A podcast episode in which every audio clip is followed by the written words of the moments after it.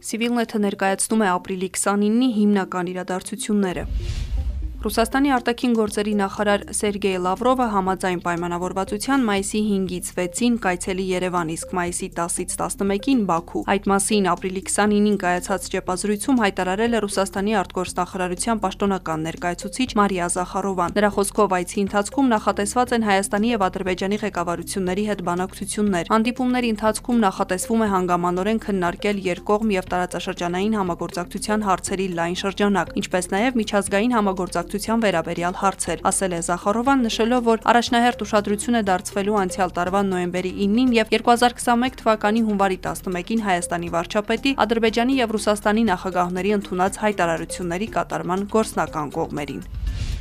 Մոսկվայում այսօր կայացել է Հայաստանի վարչապետի պաշտոնակատար Նիկոլ Փաշինյանի եւ Ռուսաստանի վարչապետ Միխայել Միշուստինի հանդիպումը։ Միշուստինը նշել է, որ Լեռնային Ղարաբաղում ռազմական գործողությունների ավարտից հետո Ադրբեջանի, Հայաստանի եւ Ռուսաստանի ղեկավարների ընդունած հայտարարությունը մեծ հնարավորություններ է ստեղծել համատեղ աշխատանքի համար։ Հայաստանի կառավարության ղեկավար Նիկոլ Փաշինյանն իր խոսքում հայտարարել է, որ Լեռնային Ղարաբաղում ռուս խաղաղապահների գործունեությունն արդյունավետ է համարում։ Դա արդեն մեզ համար ակնհայտ է, ասել է նա։ Փաշինյանը Միշուստինի հետ հանդիպ հանդիպմանը բարձրացրել է նաև Ադրբեջանում պահվող հայ ռազմագերիների հարցը։ Ադրբեջանի կողմից գերեվարված, պատանդարված եւ այլ պահվող քաղաքացիներին վերադարձնելու խնդիրը դառնում է միջազգային օրակարգի հարց։ Ապրիլի 29-ին կառավարության նիստում այդ մասին հայտարարեց վարչապետ Նիկոլ Փաշինյանը։ Եվրամիությունը երեք ուշ երեկոյան կարևոր հայտարարություն է տարածել, որտեղ արձանագրվում է շատ հասցեական, որ Ադրբեջանը պետք է հետ վերադարձնի գերիներին, ռազմագերիներին եւ այլ պահվող անձանց։ Այս իմաստով ուզում եմ ընդգծել, որ վերջին շրջանի միջազգային ակտիվությունը կարևոր է ու մեծացնում է լավատեսությունը, որ կունենանք կոնկրետ արդյունքներ, կառավարության նիստում հայտարարեց Նիկոլ Փաշինյանը։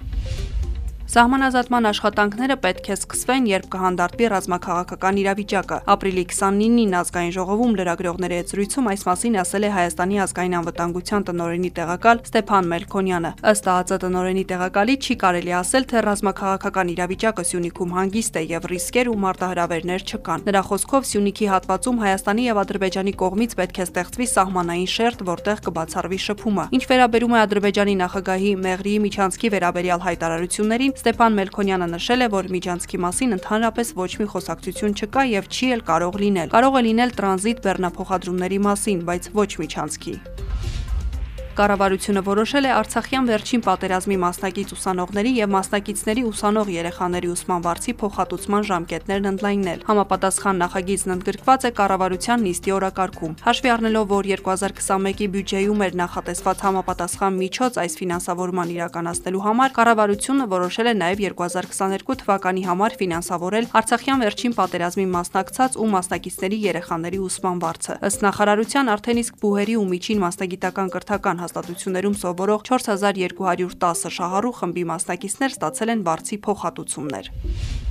Հաջորդ շաբաթ փոփոխություն է լինելու կարանտինի որոշման մեջ եւ այն քաղաքացիներն, ովքեր պատվաստված են այլևս թեստ չեն հանձնի Հայաստանից դուրս գալու կամ Հայաստան մուտք գործելու համար։ Այս մասին այսօր ապրիլի 29-ին կառավարության նիստից հետո լրագրողների հետ ճեպազրույցում ասաց առողջապահության նախարար Անահիտ Ավանեսյանը։ Կառավարության որոշմամբ հաջորդ շաբաթվանից կլինեն նաեւ շարժական թիմեր, որոնք տեղակայված կլինեն քաղաքի բանուկ մասերում եւ եւս մեկ քայլ կմոտեցնեն պատվաստման հնարավորությունը քաղաքացիներին։ Մինչ օրս Հայաստան ներմուծվել է 24 14000 դեղաչափ AstraZeneca պատվաստանյութ։ Հետագայում երկու խմբականակով ներկրվել է Sputnik V, առաջին խմբականակը 15000 դեղաչափ 7500 մարդու համար, երկրորդ խմբականակը 14000 մարդու համար։ Առաջիկայում Հայաստանը կստանա չինական Coronavac պատվաստանյութի 100000 խմբականակ։ Ապրիլի 28-ի դրությամբ Հայաստանում կատարվել է 2641 դեղաչափ պատվաստում։